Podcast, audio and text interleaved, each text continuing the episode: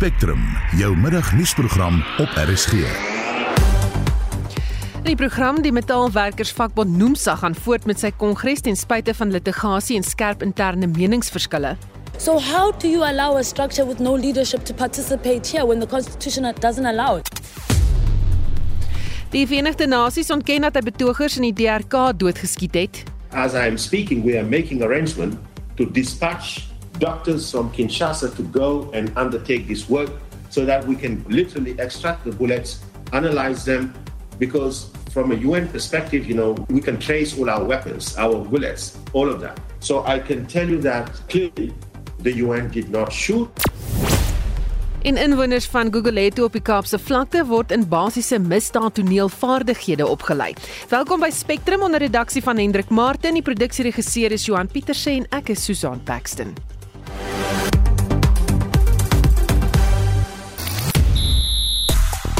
Die Proteas kry pak sla in Bristol. Meer toernooie op die Live Golfreeks in 2023 en die Statebond spele begin vanaand. Ek is Shaun Schuster en is later terug met meer inligting. In sosiale media onder die hitsmerk Northwest University is daar nog 'n student in die koshuis doodgevind. Die Gautengse ANC voorsitter en LER vir onderwys, Panyaza Lesufi, het reageer op AfriForum se regsgeding van 500 000 rand oor 'n beweerde rasse rasisme eis. Die hitsmerk daar is AfriForum. Goed, en ons praat oor stokvel of spaarklubs. Behoort jy aan so iets? Hoekom het jy besluit om jou geld in 'n stokvel of spaarklub te belê en nie 'n bankrekening nie? Ek sien ons slanke geneer Johan sê hy behoort in een. Dalk sou ons later met ons deel hoe dit uh, vir hom werk. Daar's ook klubs wat regter die jaar kos en skoonmaakmiddels aankoop en dan in Desember word die krydeniersware onder lede verdeel. Is jy deel van so 'n spaarklub? Hoe het dit jou finansies vir die feesseisoen dan nou verander? Stuur 'n SMS na 45889 teen R1.50 per boodskap. Praat saam op die Monitor en Spectrum Facebook bladsy of stuur 'n WhatsApp stemnota na 076 536 6961. 7 minute oor 12 jy luister na Spectrum die arbeidshof het Noomsa se appel aansoek teen 'n interdik teen sy konferensie in Kaapstad van die hand gewys. In sy hofuitspraak het die regter die vakbond se besluit om voort te gaan met die kongres ten spyte van die interdik veroordeel. En vir meer hieroor praat ons nou met Karel Kloete, hy is Noomsa se voormalige adjunksekretaris-generaal en vakbondkenner nou. Goeiemiddag Karel. Goeiemiddag en goeiemiddag aan jou luisteraars. Sê my saam met die hofuitspraak.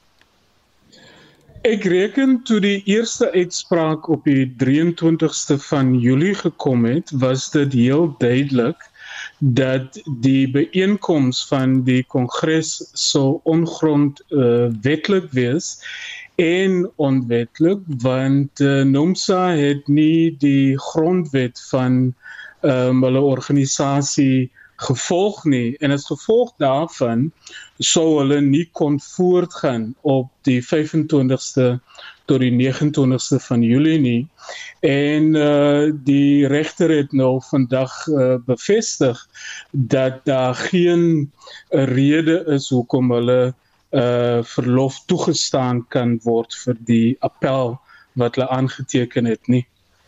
Nou, wat gaan die impak van hierdie uitspraak op die konferensie wees?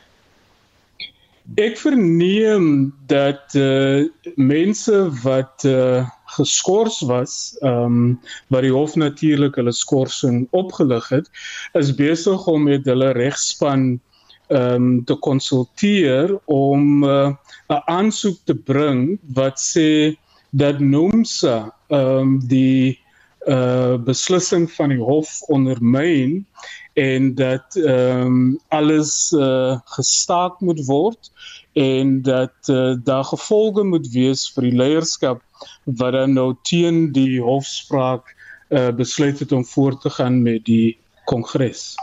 En die ehm um, leierskap wat reeds aangewys is, sal dit dit uh, beïnvloed. Wel, dit dit is eintlik vreemd en snaaks dat ehm um, die verkiesing van mense nou so voortgaan wanneer jy weet jy appeleer teen 'n saak en jy behoort te wag uh tot die hof uitspraak maak.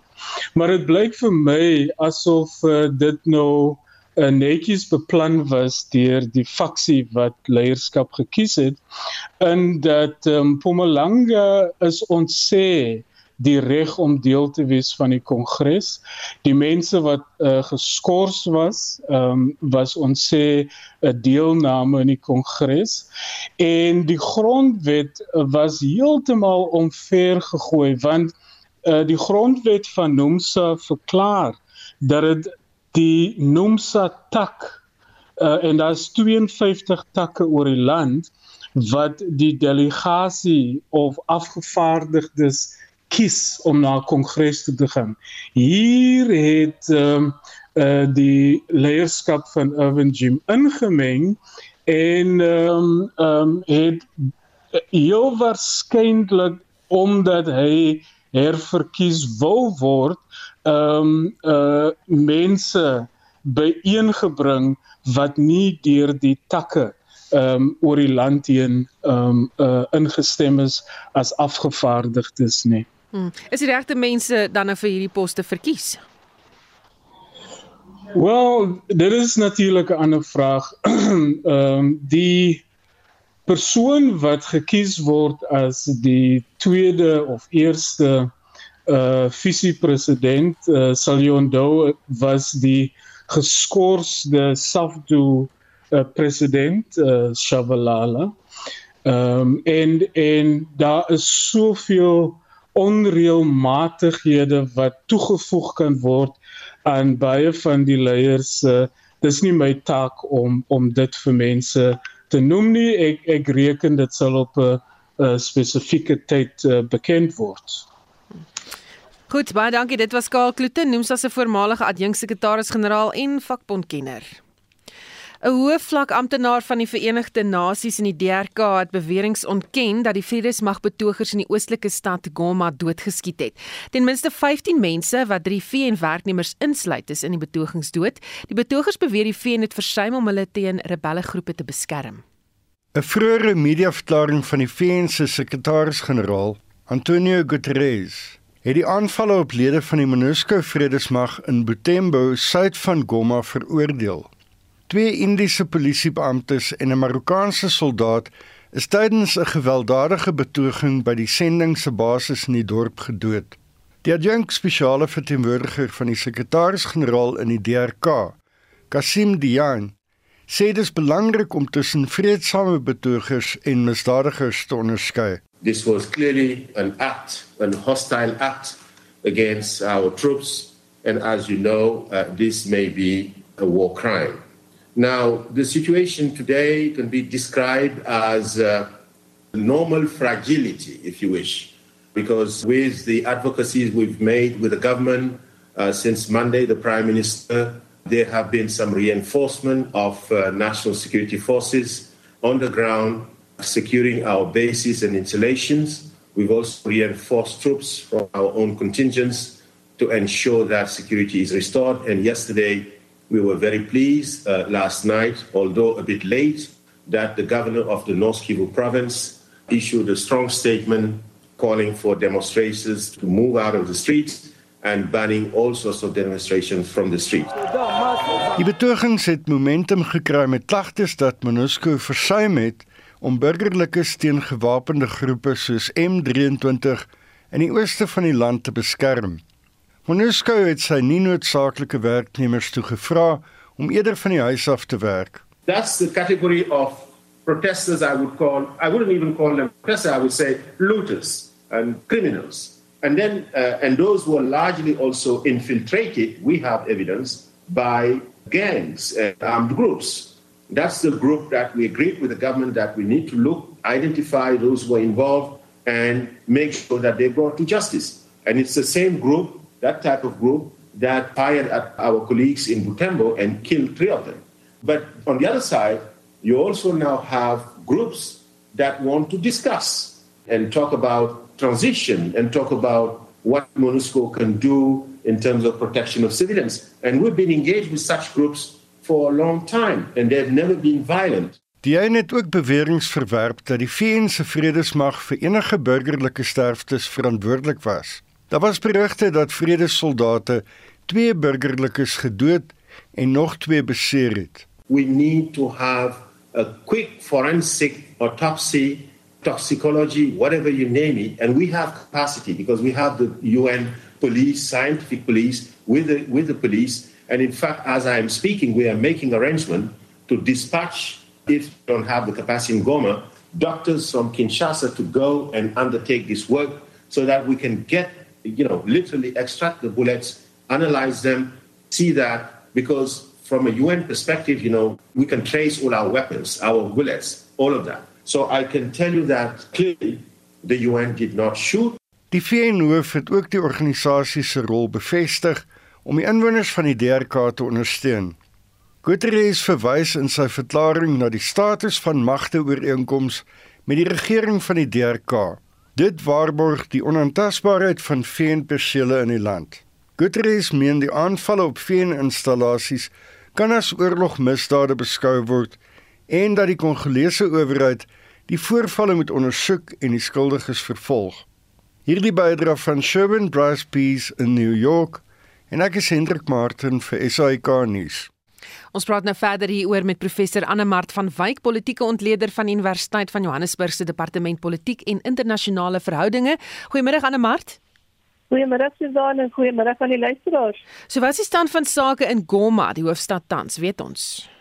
Ehm um, ja, so vandag as ek die nuus dophou, ek kon geen nuwe nuus ehm um, vandag sien nie, so dit lyk of die situasie so 'n bietjie gekalmeer het. Ehm um, tot dusver is 15 dood in Goma waarvan 3 van die VN se eie vredesmag en dan in 'n ander stad September is daar ook sewe burgerlikes dood tussen um, maandag en en dinsdag, maar ja, geen nuwe opstande wat ek kan sien vandag nie. Voldoen die VN aan hulle mandaat daar? Ja, dit is dit is 'n vraag wat natuurlik baie gevra word. Ehm um, MONUSCO het ook gereeld deur onder kritiek ehm um, dat hulle onbevoeg is of nie in staat is om die gevegte in die oostelike deel van die DRK te stop nie. En hulle is ook al meer as een keer beskuldig van vergrype. Nou as jy mens kyk dat en sien dat MONUSCO is al 12 jaar in die DRK en mens sien dat die geweld in die ooste van die land steeds voortduur en dat daar selfs nuwe groepe is wat dit weer opstaan en en en verder deelneem daaraan. Dit link ook dit weet aan 'n vraag wat vra ehm um, of mense dalk rede het om ongelukkig te wees oor die situasie.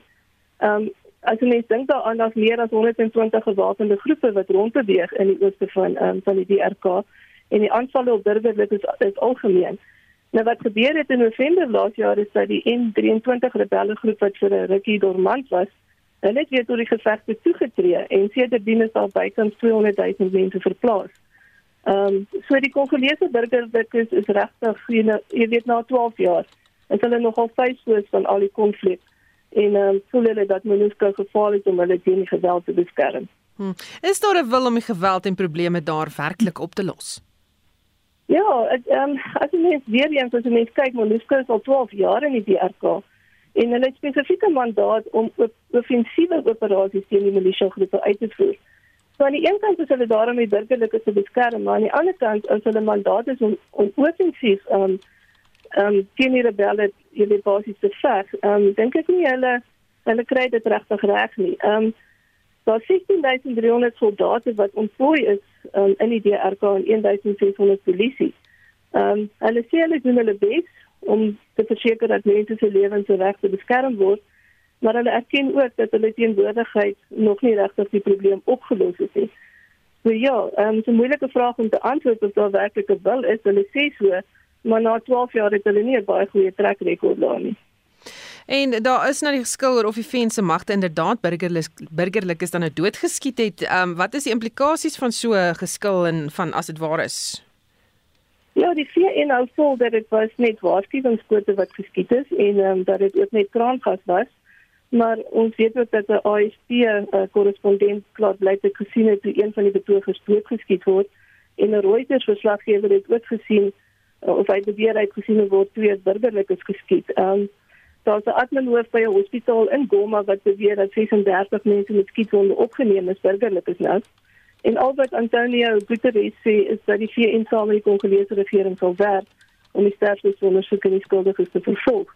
Wat dit vir MONUSCO sal beteken in die DRK, um, op die oomblik het het hulle aansien is is werklik nie baie goed daar nie. So dit sal definitief hulle aansien verder verswak en as dit sou uitkom dat burgerlikes deur die vredesmagte doodgeskiet is, jy weet gaan dit natuurlik heeltemal hulle legitimiteit wegvat en ek dink gaan ons dalk meer opstande sien ehm um, teen hulle en oor die onttrekking dan van MONUSCO aan die DRK. Ja.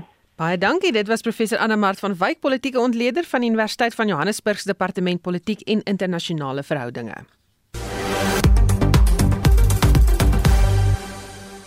1221 tyd vir politieke nuus. Politieke partye in die Nelson Mandela Bay Metro sal vandag 'n nuwe veelparty koalisie ooreenkoms onderteken. Leiers van die DA, Vryheidsfront Plus, ACDP, AIC, Abantu Integrity Beweging, Pan African Congress en EDM sal die koalisie vorm. Dit na 4 maande van onderhandelinge. Ons praat nou met die politieke ontleder en dosent by die College vir Verdere Onderwys en Opleiding in Port Elizabeth, Dr. Kelvin Nulls. Goeiemôre Kelvin. Goeiemiddag, Susan, goeiemiddag aan die luisteraars. Wat is die agtergrond tot die nuwe koalisie ooreenkoms? Soos jy genoem het, uh, sopas uh, dit volg 8 maande, ag ja, maar 8 weke se onderhandelinge wat nou uitgeloop het op hierdie ooreenkoms tussen die sewe partye wat jy ook nou genoem het. Ehm um, mens moet ook sien in die lig van Helen Zille se besoek so 2 maande gelede aan die metro waar sy 'n gemeenskapsvergadering of twee gehou het. Ehm um, so hierdie ooreenkoms sien ons nou as as die uitloop van van onderhandelinge wat plaasvind tussen hierdie partye. Die daar is partye wat dit natuurlik nie gemaak het nie of kom ons sê dan liewer hier die nuwe koalisie van vernote ehm um, sluit nie byvoorbeeld in Dop nie die Northern Alliance en die PA en die Good Party in nie en hulle het natuurlik hulle redes daarvoor maar agter die skerms was daar was daar uh, samesprekings gehou onderhandelinge gehou en nou sien ons hierdie hierdie uh, koalisie wat nou van die grond af gaan kom met 56 uh setels. Hmm. Nou, hoe suksesvol is die bestuur en dienslewering in die metro tans? Ehm um, ek wil net noem voor ek daai vraag beantwoord, ehm um, ons sien weer eens dat die dat die EFF as koningsalwer nou gaan uittreë. Hulle het agt setels in die metro in. Ehm um, ons weet ook dat in die verlede met die 2016 koalisie het was dit nie 'n goeie exercise nie, maar ons hoop maar dat hierdie keer ten minste vir vir hierdie nuwe koalisie dat dinge beter sal gaan. Dienslewering in die metro uh met op 'n stilstand gekom. Ehm uh, daar's probleme op administratiewe vlak en daar's probleme op politieke vlak.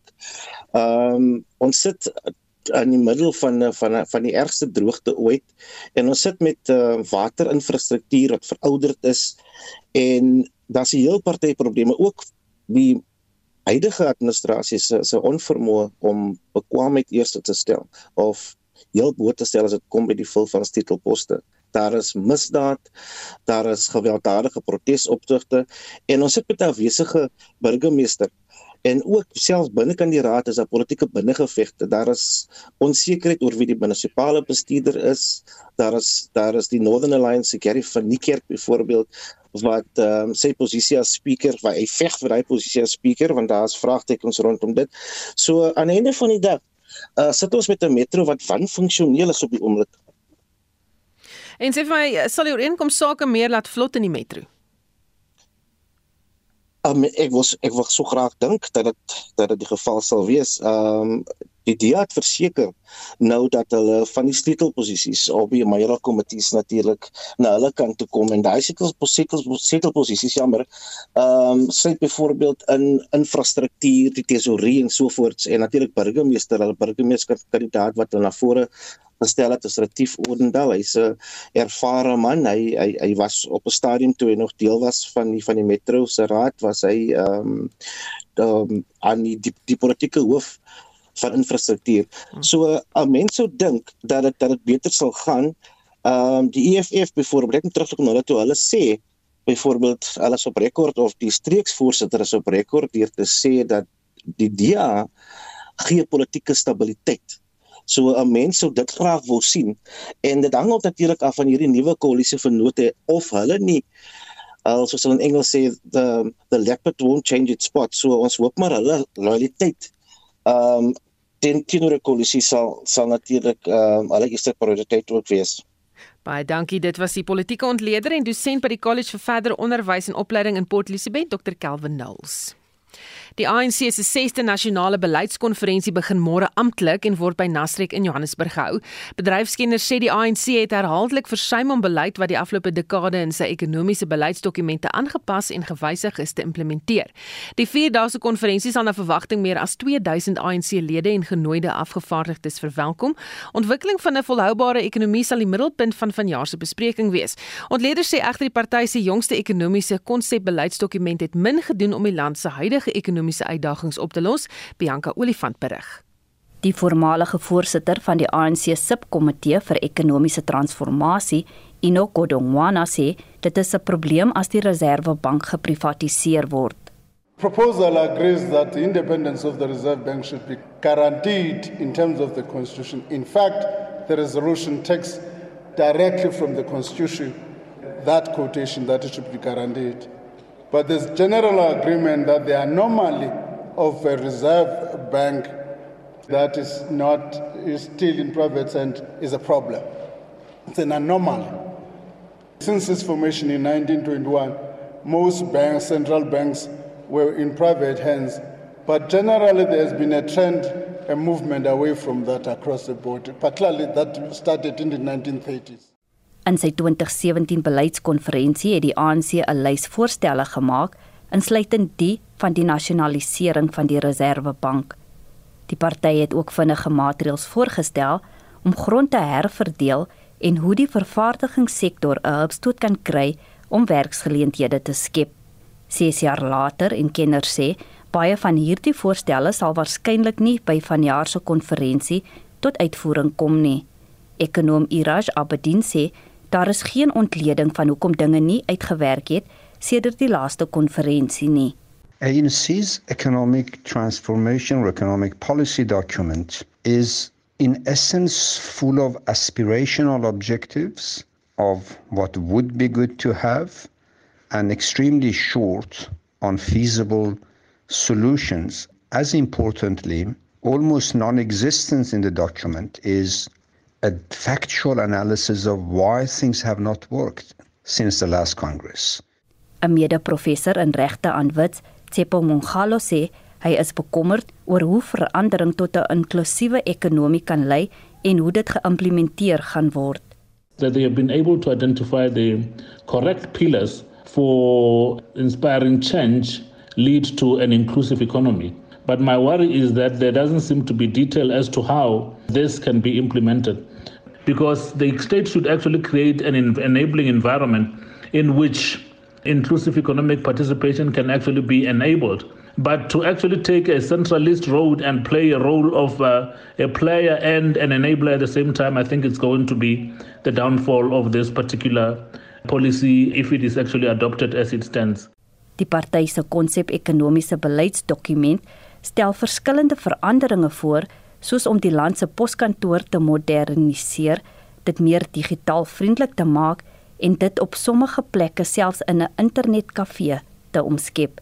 Die party se beleidsvoorstelle sal deur die ANC takke oorweeg word voordat dit in Desember aan die 55ste nasionale konferensie vir aanvaarding voorgelê word. Die verslag is saamgestel deur Amina Akram in Johannesburg. Ek is Bianca Olifant vir SAK nuus. Die Federale Reservebank het gister weer vir die tweede agtereenvolgende maand rentekoerse met 75 basispunte verhoog. Sentrale banke wêreldwyd is besig om rentekoerse te verhoog om weggel-inflasie te tem. Ons praat met die hoofekonoom van CH Economics, Dr. Chris Harmse. Goeiemôre Chris. Goeiemôre Susan, môre luisteraars. So, hoekom het die Reservebank in die FSA hierdie besluit geneem? Wel, vir die Reservebank in die FSA is dit 'n maklike besluit inflasie hardloop weg. Hy is by die 9% terwyl hulle rentekoerse maar nog hier by 2-2.5% rond was. So met ander uh hulle moes dit verhoog want in hulle ekonomie het hulle 'n vraaginflasie. Met ander mense spandeer hopeloos te veel nadat die regering uh baie uh getoegenoem toegenoem toegenoem toegenoem as verlede jaar en 'n paar checks uitgedeel het. Hulle het miljarde dollar vir hierdie jaar in die ekonomie inge ingepomp en die mense dood eenvoudig oor presteer uh, spandeer en dit het net dood eenvoudig tot 'n vraag gelei. Voeg nog daarbey dat hulle ook maar 'n probleem het rondom uh, uh uh ook aan die koste kant van petrol ensovoorts wat baie sterk gestyg het, voedselpryse wat baie sterk gestyg het. Uh het hulle dood eenvoudig besluit dat hulle is te ver agter. Hulle moes eintlik al 5, 6 maande gelede begin het en het hom nou drasties twee keer agter mekaar met 0.75% verlaag. Uh ag, ekskuus, verhoog. So hulle kom hier van 0.5 natuurlik nou na 2.75 toe. Het hulle nou beweeg. Ehm um, en uh uh, uh dis natuurlik 'n baie sterk verhoging, maar wat die wat die Amerikaners aanbetref, is dit dood eenvoudig te veel vraag. Suid-Afrika is dit 'n kostekant. Ons het gesien dat die uh uh pryse van petroleum en uh voedsel uh produksie baie sterk gestyg het. Ehm um, uh, die sogenaamde uh, uh, petroleumprodukte of ehm um, uh, petrolpryse het gestyg met 45% jaar op jaar. Voedselpryse met uh 14% uh, ekskuus 11% jaar op jaar en elektrisiteit met 14% per jaar op jaar.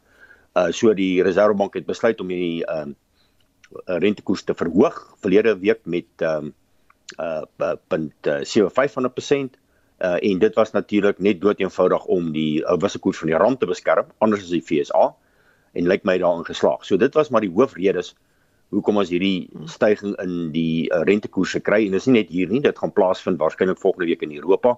Uh in die meeste ander lande, die VK verwag hulle ook 'n sterk stygings in die volgende week of 2. Uh en uh dit is maar 'n tendens wat gaan volg en ek sien nou hulle reken die Federale Reserve Raad reken hulle gaan tot die einde van die jaar gaan hulle nog aanhou om rentekoerse te verhoog. Dan ander ekonomiese nuus, die PPE is ook vroeër bekend gemaak, hoe staan sake daar? Ja, Susan, dis nou dis nou 'n uh, 'n uh, uh, olie op die vuur, né? Uh dis nou regtig olie op die vuur. Want wat hier gebeur het is dat ons produsentepryse, dit is die sogenaamde pryse by die uh fabriekshakke uh, hekke, as hulle dit die hekke verlaat, as hulle begin vervoer na die uh, kleinhandel toe. Dit het gestyg met 16,2% in Junie en uh, ek dink dis die hoogste stygings as ek so vinnig kan kyk in die laaste 20 jaar. Ehm um, en uh, op van natuurlik uh, 14 14.1% in uh, in in in Mei maand. So daar was 'n baie sterk stygings en weer eens, hier was dit as gevolg van petroleum, chemiese, rubber en plastiekprodukte wat 37% gestyg het jaar op jaar. So met ander woorde, onthou jy ook jou groothandelaars wat duurder moet betaal vir veral vir petrol en uh en ander chemiese produkte het hierdie groot effek gehad en natuurlik voedsel ook. Die voedselprodukte, die verwerkte voedsel, tobak uh, en en tabakprodukte het met 10% gestyg. Uh en dan natuurlik ook uh masjinerie en in toerusting het met 14% gestyg. Hmm. So daai was die drie sektore wat baie sterk gestyg het. So ek is bevrees. Uh ons gaan nou vir uh Junie maand natuurlik weer 'n sterk stygings uh kan verwag in ons in, in inflasie syfer Junie en Julie want luisteraars moet net onthou jy die begin van Julie daai oor die R2 meer betaal vir brandstof. Hy gaan nog ook in die Julie syfer inkom. En daarom verwag ons dat die inflasiekoers in Suid-Afrika redelik vinnig gaan beweeg na na 8% toe en daarom kan ek amper nie dink dat met die volgende vergadering van die monetêre beleidskomitee oor 2 maande nie ons ten minste weer 'n 0.5% verhoging in die rentekoers gaan sien. Baie dankie, dit was die hoofekonoom van CH Economics Dr. Chris Harmse. Jy luister na Spectrum op RSG. Prins Willem van Brittanje het 'n beroep gedoen dat geregtigheid vinnig moet geskied na die moord op die Suid-Afrikaanse veldwagter Anton Zimba. Zimba was die hoof van veldwagterdienste by die Timbawati Natuurreservaat in Mpumalanga. Hy is Dinsdag aand buite sy huis doodgeskiet en Transnet rapporteer 'n wins van 5 miljard rand wat herstel is van 'n verlies van 8,7 miljard rand in die vorige jaar. Bly ingeskakel.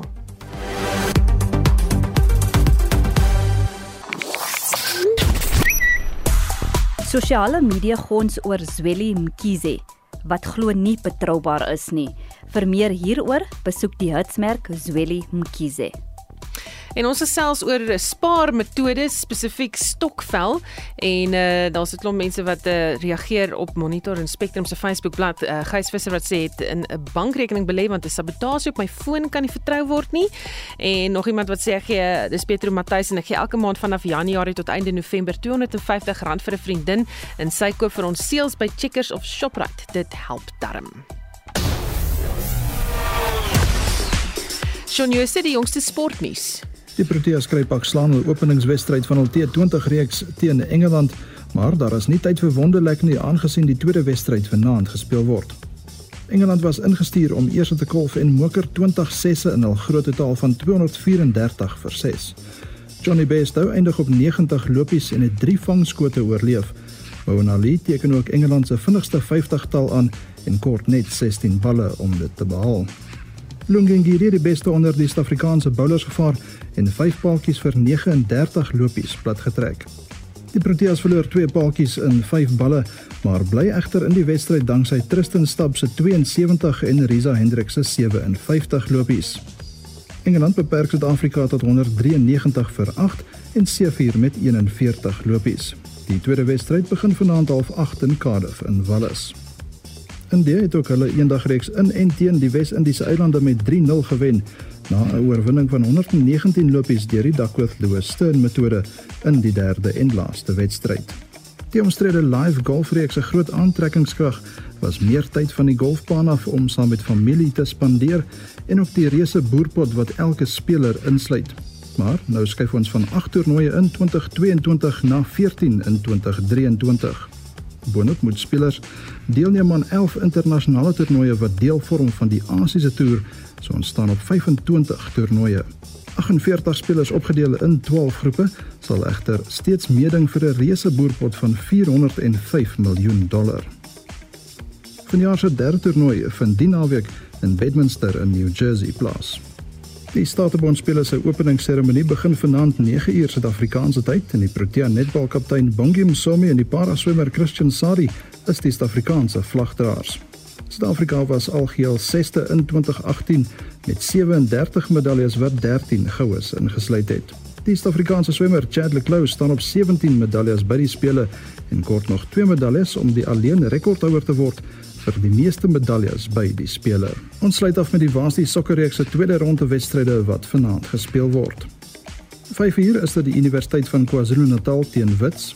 Half 7 is daar twee wedstryde die Noordwes Universiteit teen Koffsies van die Vrystaat en die Tshwane Universiteit van Tegnologie teen die Vaal Universiteit van Tegnologie.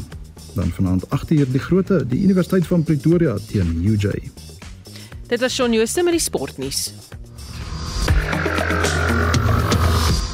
Dit is tyd om die onderskeid tussen mans en vroue sport te stop en net van sport te praat. Dis die mening van die sportkommentator Dwayne Delocca. Delocca het gereageer op die kollig wat nou geskyn word op die ongelykhede wat bestaan tussen mans en vroue sport, veral wat betref finansiële voordele tussen die twee. Die debat is die week ontketen na die vroue sokkerspan Banyana Banyana die Afrika Nasiesbeker in Marokko verower het. Delocca sê dis hoogtyd dat vroue in sport die erkenning kry wat hulle verdien. I think this is something that's been a long time coming. I think that's a fair enough statement. Certainly, when you look at the, the situation and you get the two national teams respectively, Bafana Bafana, albeit a relatively youthful Bafana Bafana side, uh, fell out in the quarterfinal stage of the Kasafa Cup and ended up playing in the plate final and ended up celebrating effectively a fifth place in the Kasafa. Whereas what was happening simultaneously in Morocco was Banyana Banyana were busy making their way, courtesy of six wins from six against the best in the continent, including a victory over the nine time champions and defending champions Nigeria in their opening game and making their way to a victory. I think it's fair to say that when it comes to women's sport, it's for a long time been undervalued. And certainly, I think there's sponsorship and, and monetary opportunities, marketing opportunities for, for big companies. I'm delighted to say that the few who have been involved in women's sport are getting the recognition they deserve for, for backing the team for as long as they have. But yes, I think when it comes to recognition of women's sport and certainly what female athletes are able to do, and that's across the board, I think across sporting codes, but this is a prime example that uh, that Banyana Banyana were able to win this tournament so brilliantly, given their relative lack of build-up time and preparation time and preparation overall for the tournament. They were superb, nothing short of superb, and thoroughly deserving of the recognition, and indeed thoroughly deserving of big paydays as well. De Lucas sê hy is bly om te sien dat vroue sport in alle genres na die voorgrond toe skuif.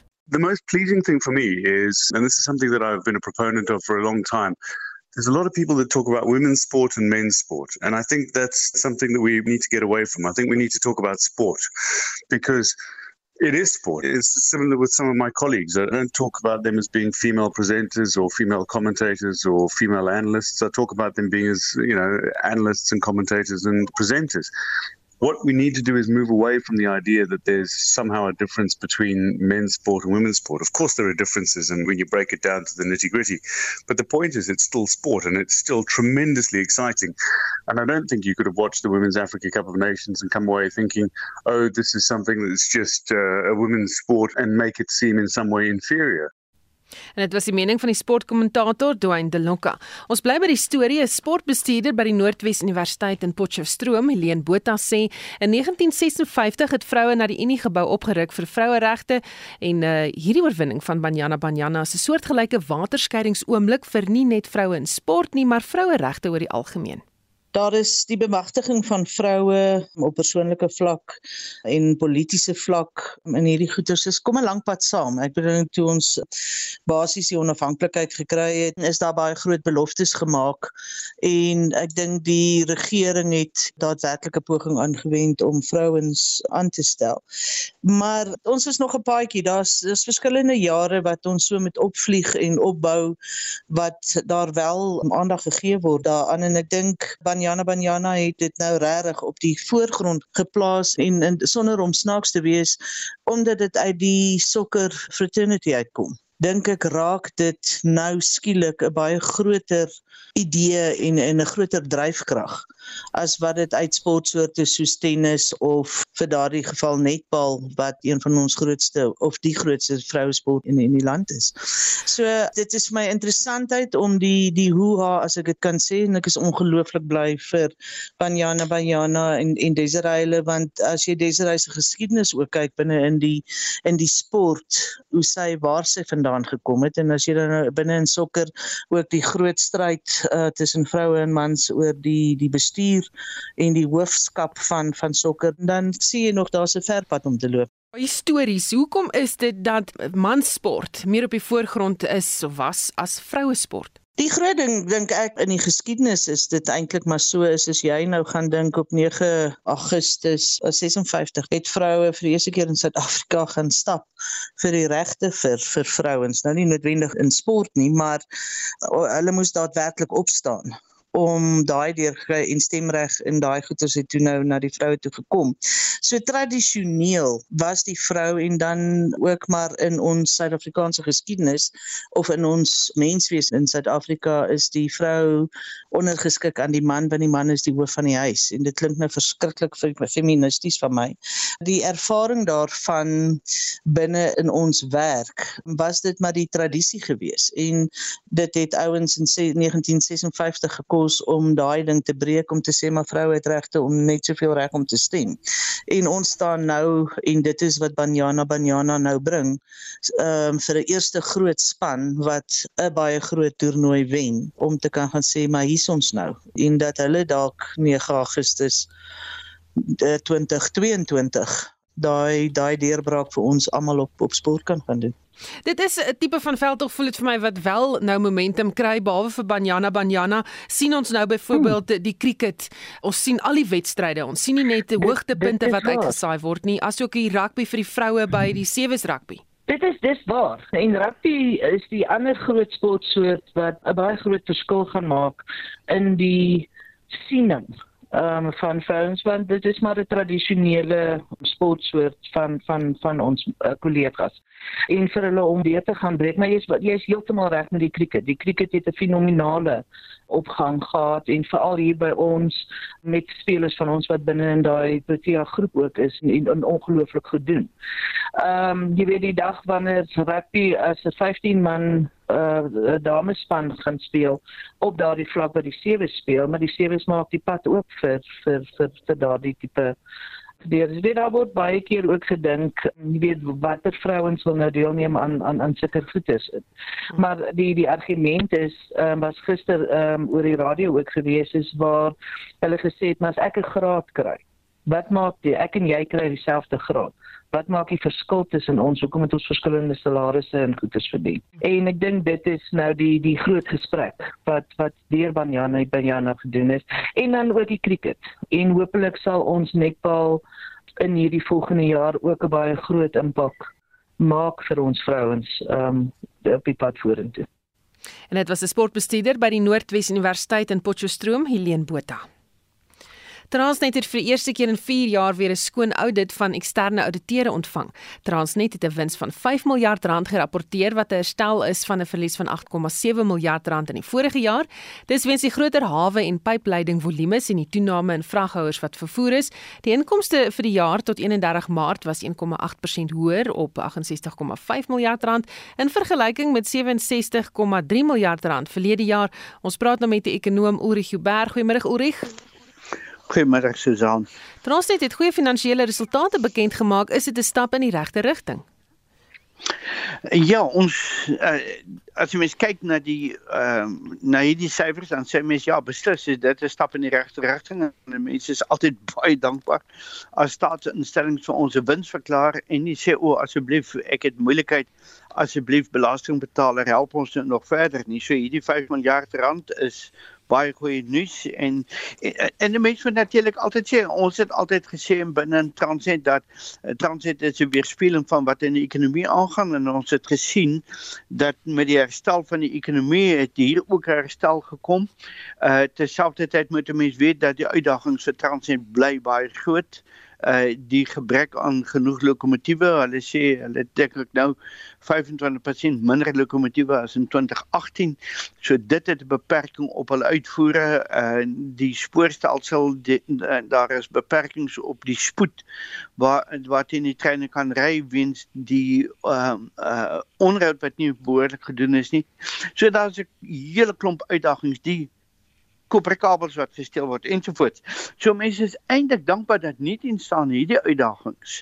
Transit vir ons hierdie windsyfers kan gee en hulle sê ja, hulle het nou uh, boonbehalwe die stygings in die inkomste het hulle ook die uitgawes, die bedryfsuitgawes met amper 6% verlaag. En wat beteken dit vir die ekonomie?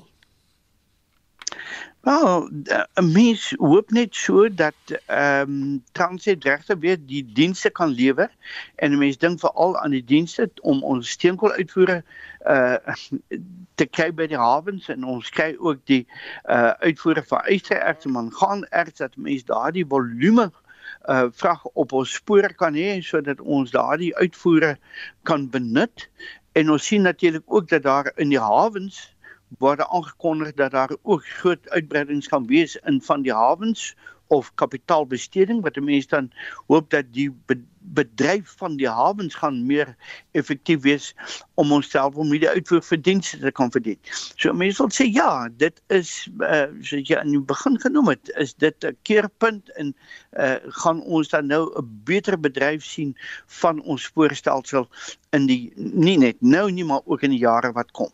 Ek wil nou vir jou vra, wat is die vooruitsigte nou vir hulle en dink jy eh, korrupsie is dalk op 'n einde? Wel, hulle sê daar was nog 1.1 miljard rand se onreëlmatige uitgawes wat nou nie in die uh, aanvanklike finansiële uh, verslae genoem is nie, want dit oor die inkomste met die tesorie daaroor bereik dat dit nou eers uitgehaal word. Dit gaan blykbaar in die finale uh resultate ingesluit word. Uh maar dit is ook daarom baie minder as die 1,8 miljard rand onreëlmatige uitgawes wat hulle vorige jaar gehad het. So mense hoop dat die korrupsie ook uh, aan aan bande gelê word. 'n Mens weet natuurlik as mens kyk na hierdie groot staatsinstellings dat daar is altyd maar skuiwergate, maar dit lyk vir my dat Transit is op die regte pad. Uh en ons het ook gesien dat hulle het nou 1,5 miljard dollar lening uh gekry waarvan die bedrae oor 'n periode van tyd uh benutbaar gaan wees. So mense sien uh, en en hulle ook nog 'n uh, uh, 1 miljard dollar 'n uh, lening wat Dinsdag moes terugbetaal word, het hulle terugbetaal. So mense kry die indruk dat die hele finansiële onderbou van Transnet is ook beter en daarom hulle mense sê ja, dan lyk die toekoms beter en vir alles soos dan nou hierdie infrastruktuur weer op. Die regte vlak kan kry wat onderhoud aanbetref en instandhouding kan betref en die beter benutting van ons hawens dan wil ek sê ja dit dit bied eintlik weer hoop vir ons uh, vir die totale ekonomie. Baie dankie dit was Ulrich Berg hy sê ekonom Die sakenuus word aangebied deur Chris Wemer, portefeuljebestuurder by PSG Wealth Pretoria. Oos, goeiemôre Chris. Goeiemôre uh, Susan. Ons het vandag produsenteprys inflasie syfers gesien nou. Um, Die verwagting was 15.6% vir die jaar tot einde Junie en dit het ingekom op 16.2%. So nie goeie nuus nie, maar die mark het dit mag ignoreer. Die algehele indeks tans 1% hoër leverage indeks so 0,1% sterker, die finansiële persent sterker en hulpbronne wat vandag baie goed vertoon op 2,9% sterker. Nou uh, by die miners het ons vanoggend vroeër uh, resultate gekry van Anglo American hulle halfjaar syfers. Nou vroeër het ons ge gesien dat Kumba Iron Ore het swaar getrek, een van hulle filiale Anglo Platinums het swaar getrek. So mense het nie goeie syfers verwag nie, maar uh, hulle het met heelwat beter ingekom as wat die mark verwag het. Anglo American se prys tans 4% sent hoor op 584 rand. 11 sent van die ander miners uh, wat ons vandag sien is net Afrimat het uh, het 'n regte uitgifte gehad of aandele uitgereik. Sy prys vandag uh 5% laag teen 50 rand 1 en dan Aslo Metal vroeër vanoggend met resultate uitgekom goeie stel syfers swakker as wat die mark verwag het en Aslo se prys nou 12.5% laag op 5 rand uh, 70 van die ander maatskappye op die groep op die beurs BSP groep uh, 2.9% hoër. Ons sien Glencore dan 2.6% sterker. En dan by die banke wat goed vertoon vandag sien ons First Rand 2% sterker Standard Bank 1.5% hoër Netbank 1,2% sterker en Absa tans 0,8% hoër. So die hoë rentekoerse uh, nie noodwendig sleg vir die banke nie, hulle maak meer geld as uh, daar uh, rentekoerse in 'n stygende omgewing is. Markte in Europa vandag sien ons van net uh, dat um, hulle marginaal laag verhandel. In Londen is die FTSE nou 0,2% laer, in Frankfurt die DAX 0,1% laer en in Parys is die kyk nou om verander. Die rand uh, swakkerig teenoor die dollar op 16 R81, 'n euro op R17.4 en 'n pond op R20.37. Van die goudprys op 1739 dollar per fyn ons, platinum op 881 dollar per ons en die Brent olieprys wat weer eens begin styg op 108 dollar 32 per fyn. Dis al van my kant af vandag Susan, baie dankie. En dit was Chris Weemeyer, portefeuljebestuurder by PSG Wealth Pretoria Oos. En Marlene Forsie sluit nou by my aan met 'n opsomming van die dag se hoofnuusgebeure en ontwikkelende stories. Die Arbeidshof het Nomsa se appel aansoek teen 'n interdik teen sy konferensie in Kaapstad van die hand gewys. Intussen is nuwe leierskap aangewys. Die voormalige adjunksekretaris-generaal Karl Klute het as volg gereageer. Dit is eintlik vreemd en snaaks dat die verkiesing van mense nou so voortgaan wanneer jy weet jy appeleer teen 'n saak en jy behoort te wag tot die hof uitspraak maak. Hier het die leierskap van Irvin Jim ingemeng, heel waarskynlik omdat hy herverkies wou word Die aanval op die VN se MONUSCO sending in die DRK trek steeds aandag. Professor Anne Mart van Wyk, politieke ontleder van die Universiteit van Johannesburg, sê dit kom nie voor asof die organisasie doen waarvoor dit gestuur is nie. MONUSCO is al 12 jaar in die DRK en men sien dat die geweld in die ooste van die land steeds voortduur en dat daar selfs nuwe groepe is wat deelneem daaraan. Dit link ook aan 'n vraag wat vra of mense dalk rede het om ongelukkig te wees oor die situasie meer as 120 gewapende groepe wat rondbeweeg in die ooste van die DRK en die aanvalle op burgerlik is, is algemeen. En op eie bodem politieke partye in die Nelson Mandela Bay Metro gaan vandag 'n nuwe veelpartytjie ooreenkoms onderteken. Dis nou na 4 maande van onderhandelinge, maar gaan dit sake laat vlot verloop? Dr Kevin Nals aan die College vir Verdere Onderwys en Opleiding in Port Elizabeth. Ek wil so graag dink dat dit die geval sal wees. Die DA het verseker dat van die sleutelposisies op die Meyer komitees natuurlik na hulle kant toe kom. Die EFF streeksvoorsitter is op rekord deur te sê die DA gee politieke stabiliteit. So 'n mens sou dit graag wil sien In die aanloop tot die 24ste Wêreldvigskonferensie in Kanada het die VN 'n verslag bekend gestel wat dui dat die pandemie die stryd teen die virus die afgelope 2 jaar gekniehalter het. Slegs Suider en Oos-Afrika het deurentyd vordering gemaak. Nou meer hieroor môre tussen 6 en 7 op Monitor. Nog 'n storie op Monitor se spyskaart is die gruutonele van opgestapelde lyke in die Phoenix Lakes in KwaZulu-Natal, die DEA se woordvoerder vir gesondheid in die provinsie het die volgende te sê. There are bodies that are kept in corridors and are lying on the floors of the mortuary.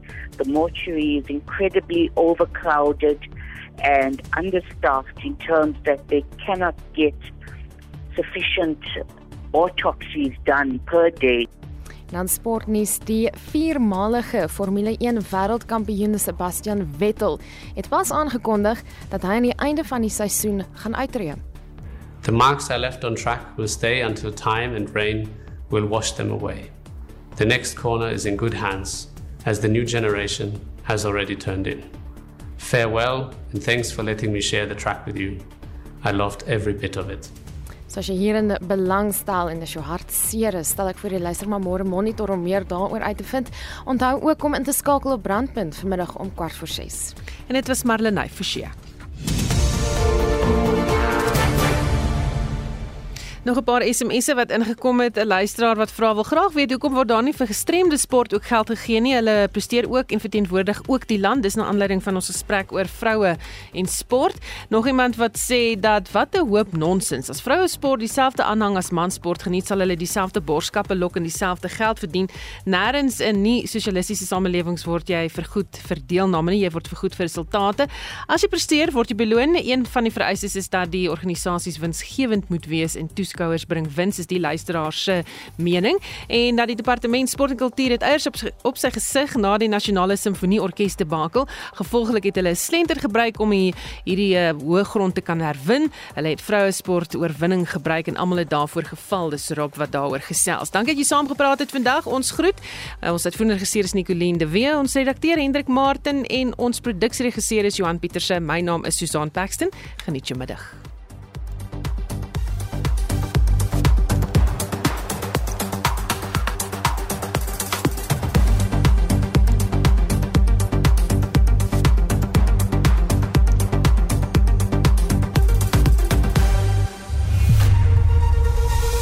SAK nuus. Onafhanklik, onpartydig.